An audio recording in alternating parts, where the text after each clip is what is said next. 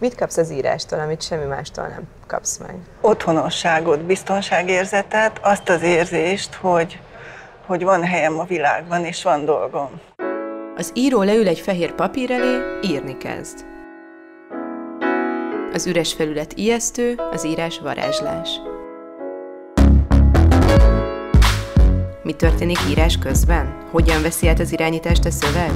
Írókat hívtunk meg egy csésze kávéra, hogy a kávészünetben meséljenek a titokról, amit az írás jelent.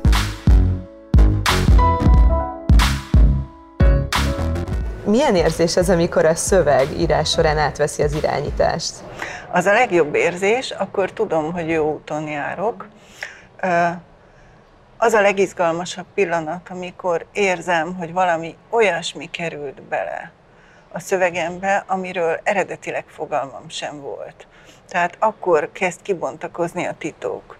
És én olvasóként is azt szeretem, hogyha egy szövegen átdereng a titok, valami, ami túl van a szerzői szándékon, ami addig rejtőzködött, és a szöveg által válik láthatóvá. Mi a legideálisabb ö, helyszín, időpont és hangulat az íráshoz, és mit teszel annak érdekében, hogy ne zavarjanak meg ebben?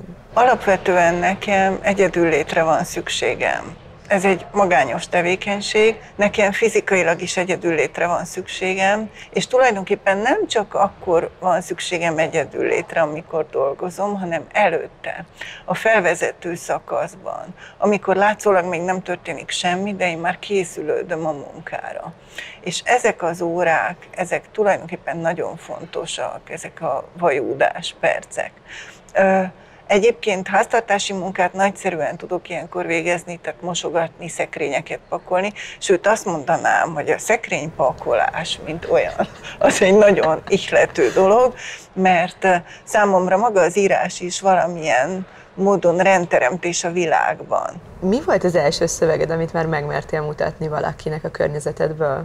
Hát általános iskolás koromban mutattam meg az osztálytársaimnak, mai szemmel vállalhatatlan verseket, de tulajdonképpen stílus imitációnak nem voltak olyan nagyon rosszak. Az írás folyamán számodra mit jelent a siker, és mit jelent a bukás?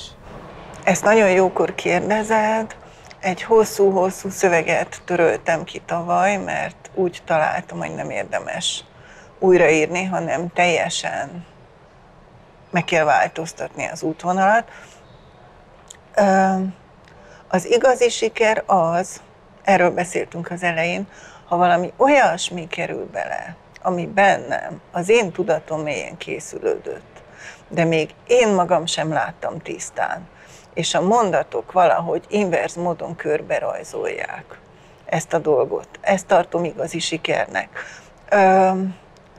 Bukásnak azt tartom, hogyha csak a tudatommal próbálok létrehozni valamit, és dolgozom, dolgozom, és nem kell életre a szöveg. Magamnak ezt úgy szoktam megfogalmazni, hogy fogod érteni, hogy nem világítja át semmi. Tehát korrekt, jól működik, de hiányzik belőle az a plusz, az a titok. Az a, azt mondanám, hogy az a pici szabálytalanság, ami mondjuk egy emberi arcot is szépé tesz, vagy vonzóvá hogyha nincs benne ez a különösség, furcsaság, ami velünk marad olvasás után is, ez a különös utóíz, akkor az csak egy jól megírt szöveg. Jól megírt szövegekből rengeteg van, fölösleges szaporítani a számokat. Ha el kellene képzelned az életedet írás nélkül, akkor mit veszítenél? Nem tudom elképzelni az életemet, nem is szeretném. Tehát ez az egyetlen dolog. Nagyon sok mindent elvesztettem már az életemben, de nekem ez jelenti az önazonosságot. Tehát ez független a körülményektől, független a publikálási lehetőségektől és minden egyébtől. Ez az én megtartó erőm, tehát ezzel vagyok azonos. Mi az az üzenet, amit az írás által kaptál, és, és amit továbbadnál pályakezdő íróknak? Hát egyrészt az, hogy az írjon, akinek ez jelenti a legnagyobb örömet a világon. Mert akármennyire is killódás írás közben ez a munka, amikor elkészül valami, vagy úgy érzem, hogy sikerült megvalósítani valamit, annál nincs nagyobb kielégülés. Tehát abban a pillanatban az ember azt éli meg, hogy a dolgok rendben mennek. Kikerült a pont az utolsó mondat végére, helyére ugrott az utolsó jelző is a szövegben, és valami megtörtént. És az olvasással mi a helyzet? Szerinted miért kell, vagy mit tud adni nekünk a könyv, hogyha olvasói vagyunk? Azt az érzést, hogy nem vagyunk egyedül a világban, a traumáinkkal, szorongásainkkal, személyes történeteinkkel.